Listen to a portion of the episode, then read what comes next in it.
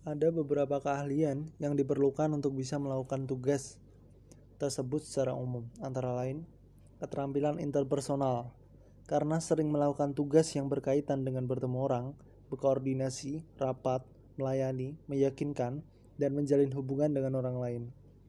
Yang kedua, keterampilan komunikasi, termasuk penguasaan beberapa bahasa asing, mampu menggunakan berbagai alat dan media komunikasi secara efektif termasuk kemampuan memahami berbagai latar belakang sosial, budaya, serta kealasannya. Karena ia akan bekerja dengan orang-orang dari seluruh dunia.